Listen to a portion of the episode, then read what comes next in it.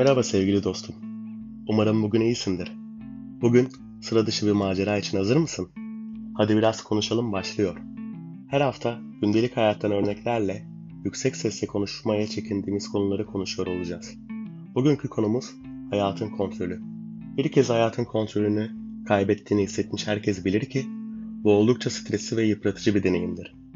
Ben hayatımın belli bir döneminde yaşamımın kontrolünü kaybettiğimi hissettiğim anlarda hep yorgun ve yıpranmış hissetmeye başlamıştım.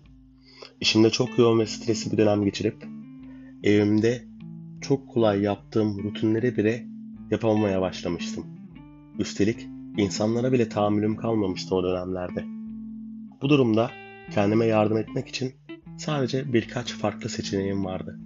İlk olarak kendime biraz zaman ayırmalıydım. Her hafta sonu kendim için bir aktivite düzenliyor ve bu aktiviteye tamamen konsantre oluyordum.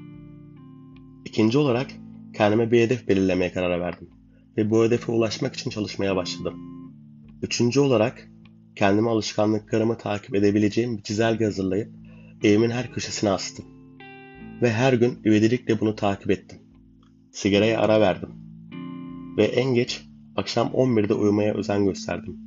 Ve bu günlük rutinleri defalarca disiplinle tekrar ettim. Sonuç olarak belli bir süre sonra hayatımın kontrolünü geri kazandım ve hayatımın her alanında bir anda pozitif bir değişikliğe neden oldu. Hayatın kontrolünü kaybettiğimiz anlar stresli ve çok yıpratıcı olabiliyor. Ama hayatın kontrolünü geri kazanmak için kendimize zaman ayırmak, hedeflerimize ulaşmak gibi adımlar atabiliriz. Önemli olan pes etmeden kendimize güvenmek, inanmak ve her gün aynanın karşısında kendimizi tekrar tekrar sevmemiz. Sevgili dostlarım, haftaya görüşmek üzere. Süper kalın.